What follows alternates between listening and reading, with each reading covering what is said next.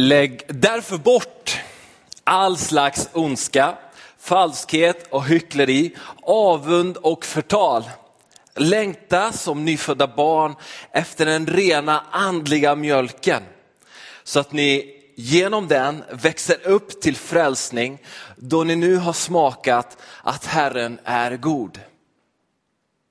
Gör därför rent hus, ut med all elakhet och falskhet missundsamhet och förtal.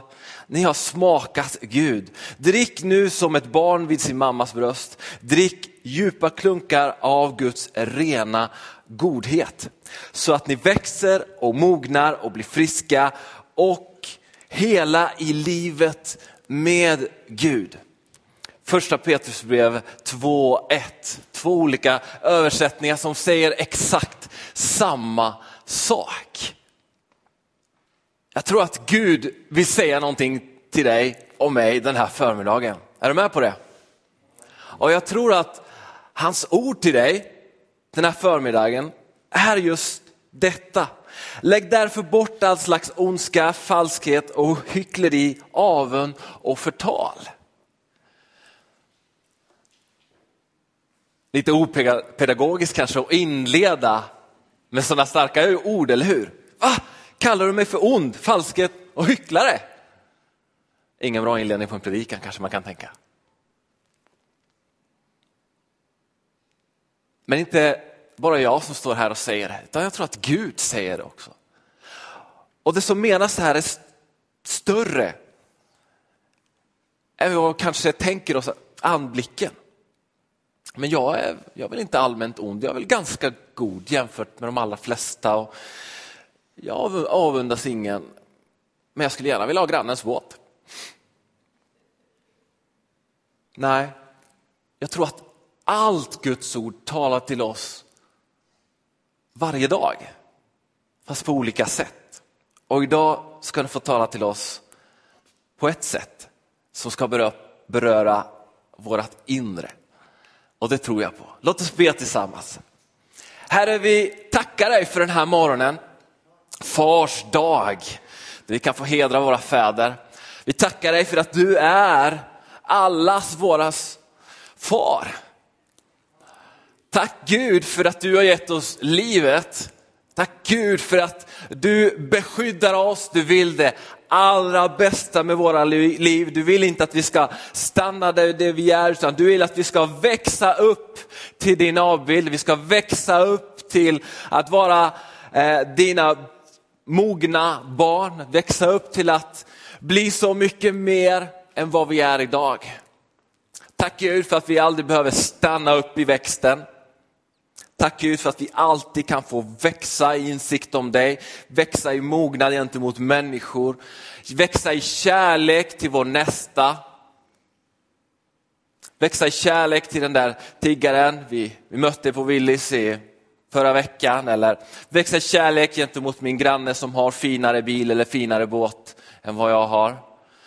Tack Jesus, vi kan växa i, i kärlek till våra barn, till våra släkter, till våran granne som klipper häcken för kort så jag ser in i hans trädgård. Tack Jesus för att jag kan släppa alla de här små ytliga grejerna och bara få växa i en relation med dig. Vi tackar dig Jesus för att du älskar oss så mycket och att din far omsluter oss med all sin kärlek och att din helige ande talar till var och en av oss. I namnet Jesus. Amen. Ser fram emot att få dela eh, lite mer av Guds ord idag. Jag tror att växa med Jesus som är det här månadstemat den här, eh, den här perioden. Eh, det är att ständigt få upptäcka nya sidor hos Gud. Eh, när jag tänker på det här med, jag satt och tänkte igår på det här, nu är det fars dag imorgon och, eh, och då kan man tänka det där, okej okay, hur många sockar kommer jag få? Eller hur många rutiga skjortor kommer jag få? Eh, man kan tänka den parallellen, det här liksom eh, världsliga eh, men ändå en fin gest att få. Jag menar, sockar det behöver man ju alltid, det är aldrig fel. Jag fick två par. Eh, jag menar, eller så kan vi tänka så här också. hur är jag far till mina barn? Alltså när jag fick barn, hela mitt livsperspektiv ändrades. Jag trodde att nej men barn är väl allmänt söta och fina och roliga och när de börjar lukta då lämnar man över dem till, till föräldrarna. Sen man får egna barn så inser man att ja just det, det är jag som är förälder. Jag kan inte lämna över det till någon annan, va? även om man ibland önskar det. Um, och, och, på något sätt så, så förändras ens bild av Gud också. Så, så blev det för mig. När, när vår första, första, första, barn föddes, Jona, um, så var det det här liksom lilla med små fingrar och så ögon och som var mest stängda. Och så insåg jag att wow, det finns en koppling här. Det är, det här är mitt barn. Och man insåg ganska snabbt att det här barnet kommer jag försvara med allt. Det kom in någon och skulle ta barnet. Vad gör du? Du tar inte mitt barn. Ja, vi ska väga. Nej! Du tar inte mitt barn. Eh, Jo, men visst, det är ju lite kontroller och så som vi ska göra. Nej! Alltså man är beredd. va? Och på samma sätt så tänker jag, så, så, så börjar jag tänka och inse att Gud ser på dig på exakt samma sätt. Rör inte mitt barn! Och när vi ser någon fara illa, kanske ramlar och ingen på gatan vänder sig om och den personen ska snabbt försöka resa sig upp. Så tänk att det är en sån tydlig bild. På samma sätt så reagerar Gud. Är det ingen som reagerar? Det här är mitt barn som har ramlat och slagit sig. Men alla vänder bort och ingen bryr sig.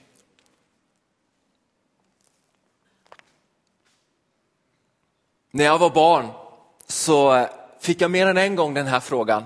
Har du dragit i dina systrars hår? Nej. Så hade jag händerna bakom ryggen. Okej, okay. Andreas, har du dragit i dina systrars hår? Nej. Kan vi få se på dina händer? Varav efter, ja, ni kan tänka er, några gånger så kommer de ju fram och så hänger det liksom blonda hår så här, sipprar liksom här mellan fingrarna. Liksom. Bevisningen var ju liksom fullständig. Nej, men förnekelsen var lika stark som bevisningen. Nej, det var inte jag. Det var någon annan. Men bevisen talade för sig själv. Andreas, avundas du din grannes båt? Nej, väldigt vad den glänser. Måste den stå på uppfarten hela tiden? Det skulle du aldrig du göra. Jag skulle göra det.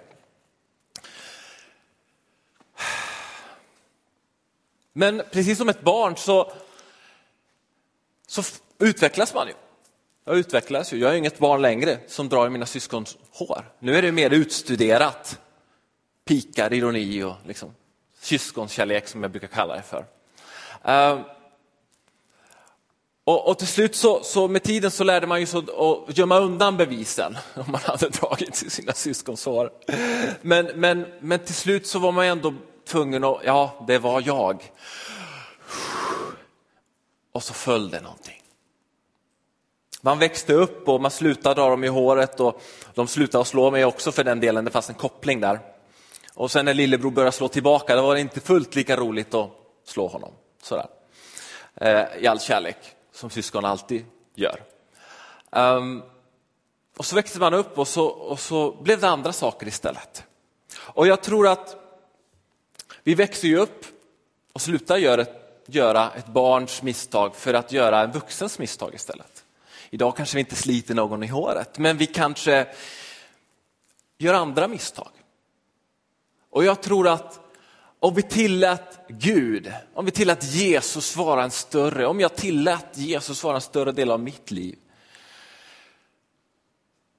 Om den heliga ande fick en påverkan större utrymme, större plats i mitt liv, så tror jag nog att jag skulle kunna begå mindre misstag. Och jag tror inte att Gud inte vill att vi ska slippa våra misstag, utan jag tror att Gud vill att inte vi ska förbli i dem. Är ni med på det? Jag säger det en gång till. Jag tror inte att Gud vill slippa att vi liksom helt och hållet ska bli kvitt dem, våra misstag, utan inte att vi ska bli i dem, bli kvar i dem. Jag vet inte hur det är med dig, men vid så många tillfällen så tänker man sig tillbaka till det som hände för tio år sedan, det misstaget, och man klandrar fortfarande sig själv. Och det är att förbli, att vara kvar i dem. Att när jag sa den lögnen eller jag bedrog den människan eller jag eh, gjorde den handlingen eller vad det nu var för någonting. Eller slutade den där relationen med den personen så nej. Gud vill inte att vi ska förbli det. Gud vill att vi ska komma vidare, att vi ska lära oss att se på det på ett annat sätt. Jag tänker många gånger på, på Jesus. Han är ju vår allra största exempel och föredöme. Eh, och han kallade en viss person sin vän. Och det var ju Judas. Han kallar många vänner, men Judas. Och egentligen om vi tittar rent historiskt sett, eh, alltså det är svårt att tänka sig någon värre person än Judas, eller hur? Jag menar, bedragare, han, han, han var nästan lite parasitaktig. Det står att han brukade ta av vad som lades i kassan som han hade hand om. Han roffade åt sig pengar, men ändå kallade honom för sin vän. Matteus 26. Jesus såg någonting i Judas som kom sen att förråda honom för pengar. 30 silvermynt. Vilken människa som helst skulle vara värd mer än 30 silvermynt, eller hur? Men ändå gjorde Judas det. Men ändå väljer Jesus att se det goda i Judas. Och Gud väljer att se det, Gud, det goda i var och en av oss. Vi behöver stå ut med våra problem. Det tror jag, var och en av oss. Vi har alla vårt att kämpa med. Men vi behöver förändra vårt sätt att se på dem. Jag har här en fantastisk fin sopsäck, hur det nu en sopsäck kan vara fin. Eh, ja, den är svart och den är fin för att vara en sopsäck. Den fyller sin funktion, den är inte fin kanske, men den fyller sin funktion. Um, och eh, i, i den här sopsäcken, det faktiskt talas om sopsäckar i Bibeln, även om ja, Bibeln var långt före sin tid även när det gäller sopsäckar. Um, det står så här i, ehm, i en bibeltext.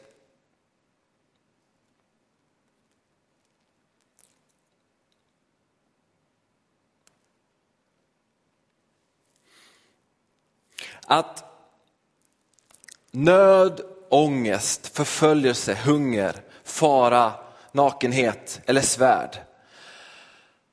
De, mitt i allt detta står det sen i Romarbrevet 8.35. Men i allt detta vinner vi en överväldigande seger genom honom som har älskat oss. Det här är Paulus som skriver det här och han talar om att jag har en massa bagage, jag har en massa skräp i mitt liv, i min sopsäck. Och trots att jag har alla de här grejerna, alla de här misstagen, felaktigheterna, så står det att men i allt detta, inte utan allt detta som vi kanske skulle önska. Vi skulle önska att vi kunde slippa en mängd av våra bekymmer, jag i varje fall. Skulle önska att vi kunde slippa en hel del ångest, nöd, hunger.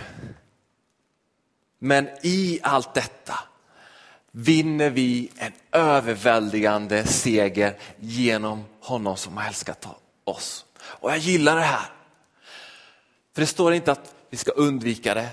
Det står i allt detta, genom att fästa, genom att fokusera, genom att sätta vår tro, vårt hopp till Jesus då står det inte att vi ska slippa våra sopsäckar, vår ångest, men det står att i allt detta kommer vi att vinna en överväldigande seger i oss själva, i egen kraft. Nej, genom honom, genom Jesus. Håll kvar vid den här tanken om sopsäcken lite grann. För jag menar att det är just därför vi behöver växa upp. Gud vill att vi ska ha ett hoppfullt hjärta, inte ett deprimerat hjärta. Inte leva i det förgångna, inte leva bara i framtiden, att en dag kanske det blir bättre. Utan Jesus vill att vi ska ha ett hoppfullt hjärta, precis som Jesus hade. Och jag gillar hur Jesus ser på Judas. Han såg det goda i honom. Tänk då hur mycket mer han ser det goda i oss. Han ser honom på samma sätt. Jag tror att det är viktigt att vi har ett hoppfullt hjärta. Att när vi har beslutat oss och när vi överlämnar, överlämnar oss själva till Jesus, att vi också tar en medveten ställning och följer honom varje dag. I Romarbrevet 8 och 10 så står det ett par verser som jag skulle vilja läsa för dig. Och Det står så här i Romarbrevet 8 och 10. Men om Kristus bor i er är visserligen kroppen död för syndens skull, men anden är liv för rättfärdighetens skull. Och om hans ande som uppväckte Jesus från de döda bor i er, då skall han som uppväckte Kristus från de döda göra också er, era dödliga kroppar levande genom sin ande som bor i er. Vi har alltså skyldigheter bröder, men inte mot vår onda natur, så att vi ska leva efter köttet.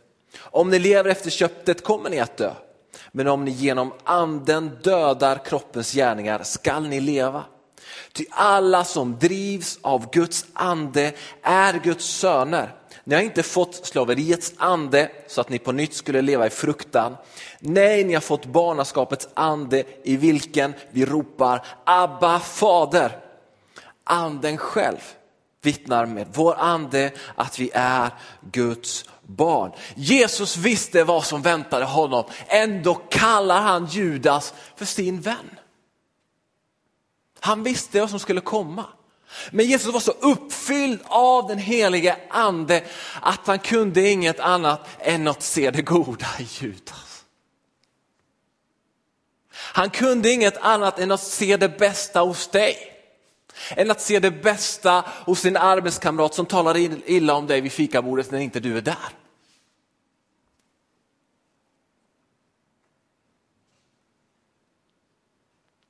Jag tror att det handlar om att bli uppfylld av den helige ande. Det handlar om att ha en hunger och att bevara sin hunger.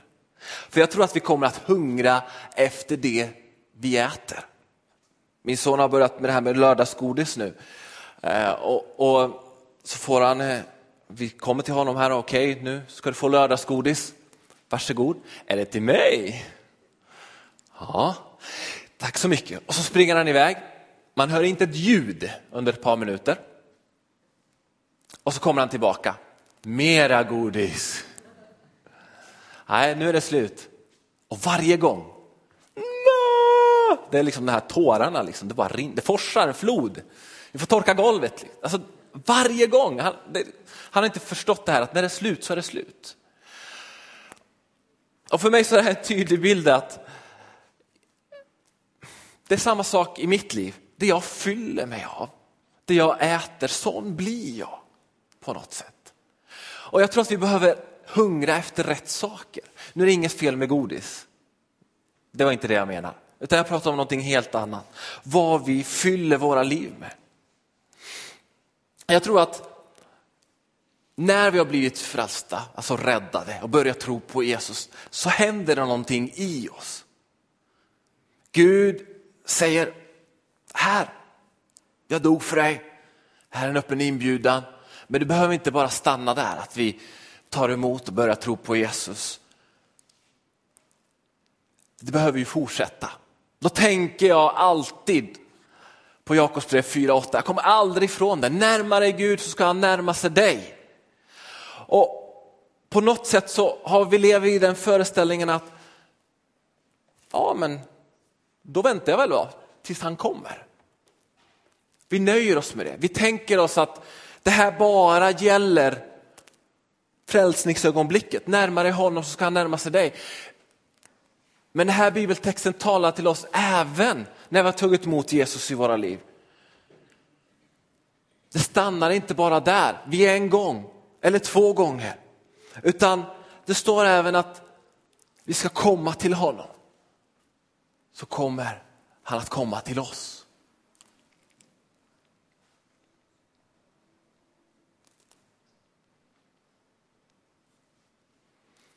Det betyder inte att vi måste ta initiativ varje gång. Men jag tror att vi behöver ta initiativet att vara med Gud mer än en gång, mer än två gånger. Om vi vill se någon slags förändring. Om jag vill se en förändring hos mitt barn så talar jag om till honom, för honom gång på gång vad han får göra, vad han inte får göra, gång på gång, gång, gång på gång. På samma sätt är det med Gud, han talar till dig gång på gång, gång på gång. Men det kräver också att den helige ande, att Gud får plats i ditt liv. Att du tillåter honom att få utrymme. I psalm 42.3 så står det min själ törstar efter Gud, efter den levande guden. När får jag komma och träda fram inför hans ansikte? Mina tårar är min mat dag och natt, ty ständigt säger man till mig, var är nu din Gud? Detta vill jag tänka på när jag utgjuter min själ. Jag gick i, jag gick i folkhopen, vandrade med den till Guds hus under jubelrop och tacksägelse, en högtidsfirande skara.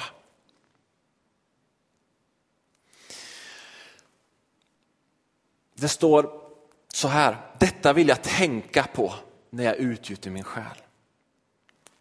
Ordet som används i, i, i grundtexten eh, skrivet på hebreiska, eh, som eh, beskriver det här med tänka, inte bara som vi tänker rent mentalt, utan det talas om att hålla kvar i tankarna.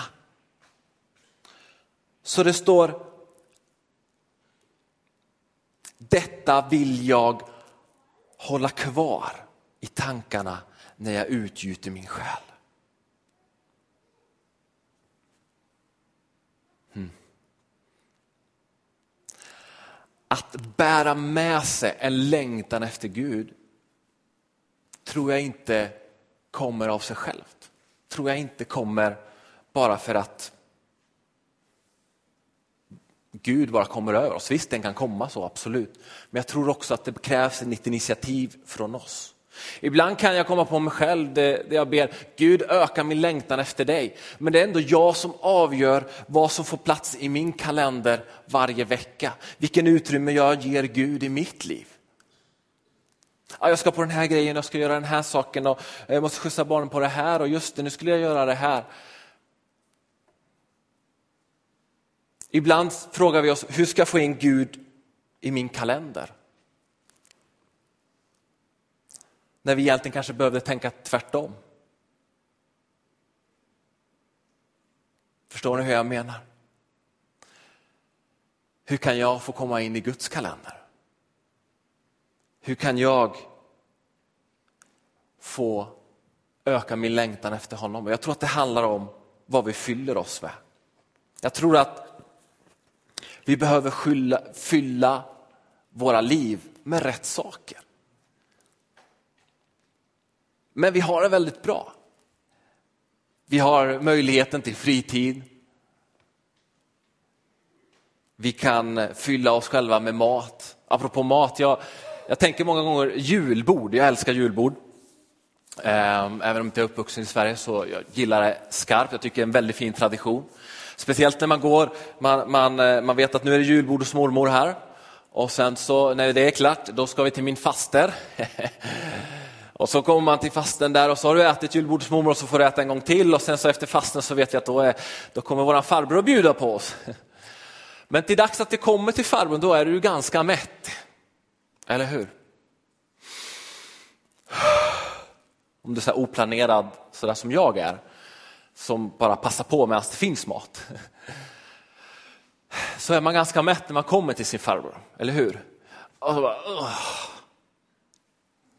Som det där året vi åkte till 16 studentfirandet härom året med pastorsteamet, underbart. Men när man kom till sista stället då var det, ja, det, var ganska, det var ganska tungt.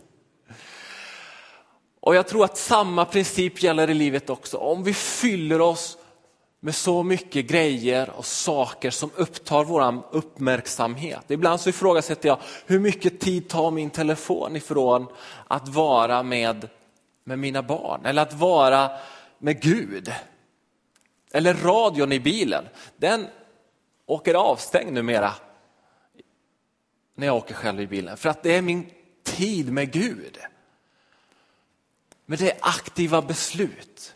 För jag tror att så här, om jag fyller mig med det där snacket som går, inget ont om Mix Megapol, men det är väldigt mycket spyor där, ordmässigt. Om jag fyller med det så kommer det att uppta mitt sinne av deras självupptagenhet och sen börjar snart, tror jag, för man blir ju som man umgås. Umgås jag med radio, då blir jag säkert som dem. Jag bara föreställer mig det. Och fyller jag mig och äter jag bara mat, mat, mat, då kommer jag till slut inte vilja ha mer mat. Eller jag kanske kan ta någon tugga. Och kanske när jag varit hos min farbror som är tredje stället och jag vet att sen ska jag till min svärmor och jag vet att äter jag inte där då är det illa. Liksom. Och på något sätt så inser jag att jag orkar inte. Om maten är godare på det fjärde stället än vad var på den tredje, vad gör jag nu? Och jag blir lite likgiltig, det spelar inte så stor roll. Men om jag däremot skulle ställa mig i sitsen någon som inte ätit ett enda julbord. Som överhuvudtaget inte har ätit mat på flera dagar och får det erbjudandet att komma till min svärmor och här får du äta dig mätt. Bara tanken på första tuggan så vattnas det i munnen och man bara lever. Är det himlen? Är det mat? Och den personen skulle ju uppskatta att äta det med mycket större glädje. Och ni förstår, jag, jag talar inte om att det är fel med julbord. Jag älskar julbord. Ät julbord, bjud vänner, ät tillsammans, umgås, dela livet. Det är inte det jag menar. Men när de här sakerna i våra liv upptar hela vår själ, hela vår tillvaro, hela vår sinne. Vart får Gud plats i detta? David var ingen motståndare till överflöd. Han levde ju i överflöd. Det står att han lämnade 100 000 talenter guld och en miljon talenter silver, koppar och så vidare till, till Salomo som blev hans efterträdare. Ändå uttrycker han det så här. Herre, vänd ditt öra till mig och svara mig, ty jag är fattig och betryckt. Han lät inte de här sakerna de här yttre sakerna, äga honom eller få en så stor plats i hans liv. Han talade inte om att det var fel av att äga, men han talade om att det var fel att de sakerna skulle äga dig. Det står också om det om en församling i Uppenbarelseboken. Jag ska inte gå in på det. Herre, vänd ditt öra till mig och svara mig till jag är fattig och betryckt. För David så var det viktigaste att Gud skulle ha en plats, en stor plats i hans liv. Och det gjorde också någonting med hur han levde. Det fick konsekvenser i hans liv. Han kom att påverka miljontals människor med sina skrifter. Skrifter som än påverkar oss idag. Vad är det som fick en rik man, för han var rik, att säga jag är fattig och betryckt. Vänd ditt öra till mig. Mina tårar är min mat dag och natt. Var är nu din Gud? frågade folket honom.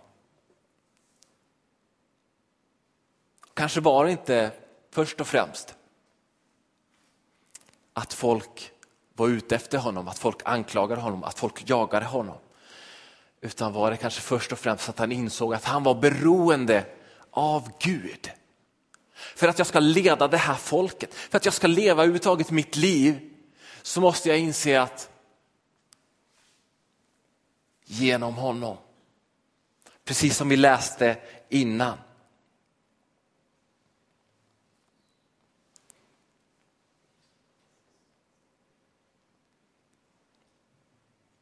Men i allt detta vinner vi en överväldigande seger genom honom som har älskat oss. Det här är nyckeln.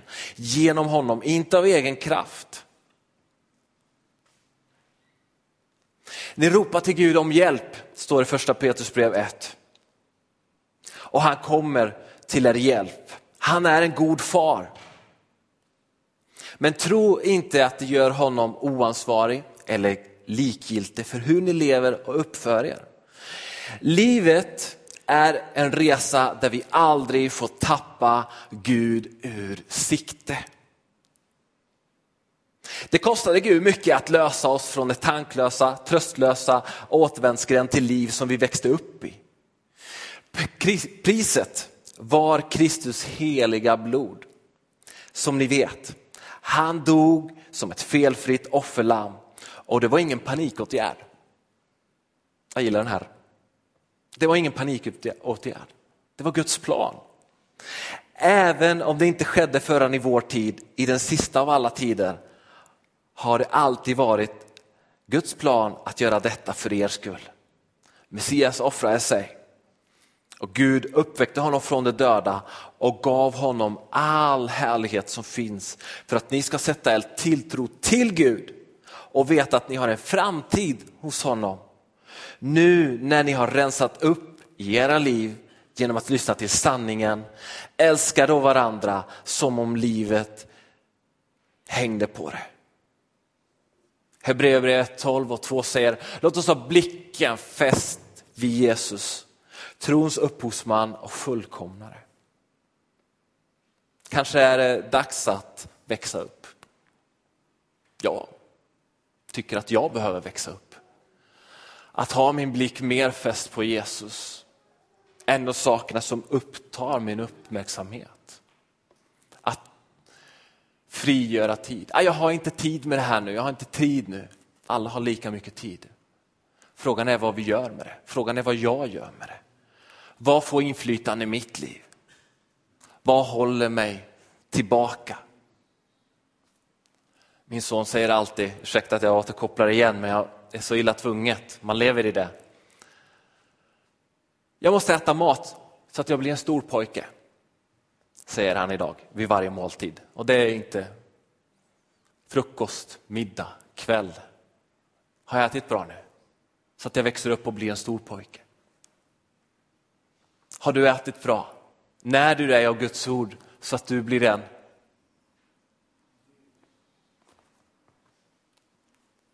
troende. Fullt rustad till varje god gärning. Jag vet inte om jag gör det alla dagar. Jag försöker. Jag vill försöka mer. Väx upp. Ett imperativ. Som vi behöver leva i varje dag. Att inte stanna i det där som var för tio år sedan eller fem. Eller i somras. Utan att våga låta den helige ande ha större utrymme i våra liv. Större påverkan. Varför inte ha Davids inställning? Jag är fattig och betryckt. Jag är ingenting i mig själv. Gud, led mig. Varför inte? Vi ber tillsammans. Herre, vi har hört ditt ord idag. Och Gud, vi, vi längtar efter att få gensvara till ditt ord idag. Gud, hjälp oss att växa upp. Inte till att bli någon slags perfekta människor. För det behöver vi inte vara. Vi behöver inte låtsas vara något som inte vi är. Gud, hjälp oss att lägga åt sidan vår ytlighet. Gud, hjälp oss att lägga åt sidan vår, vår själviskhet. Hjälp oss att hantera vår ångest, det som tynger oss, det som vi har i våran sopsäck.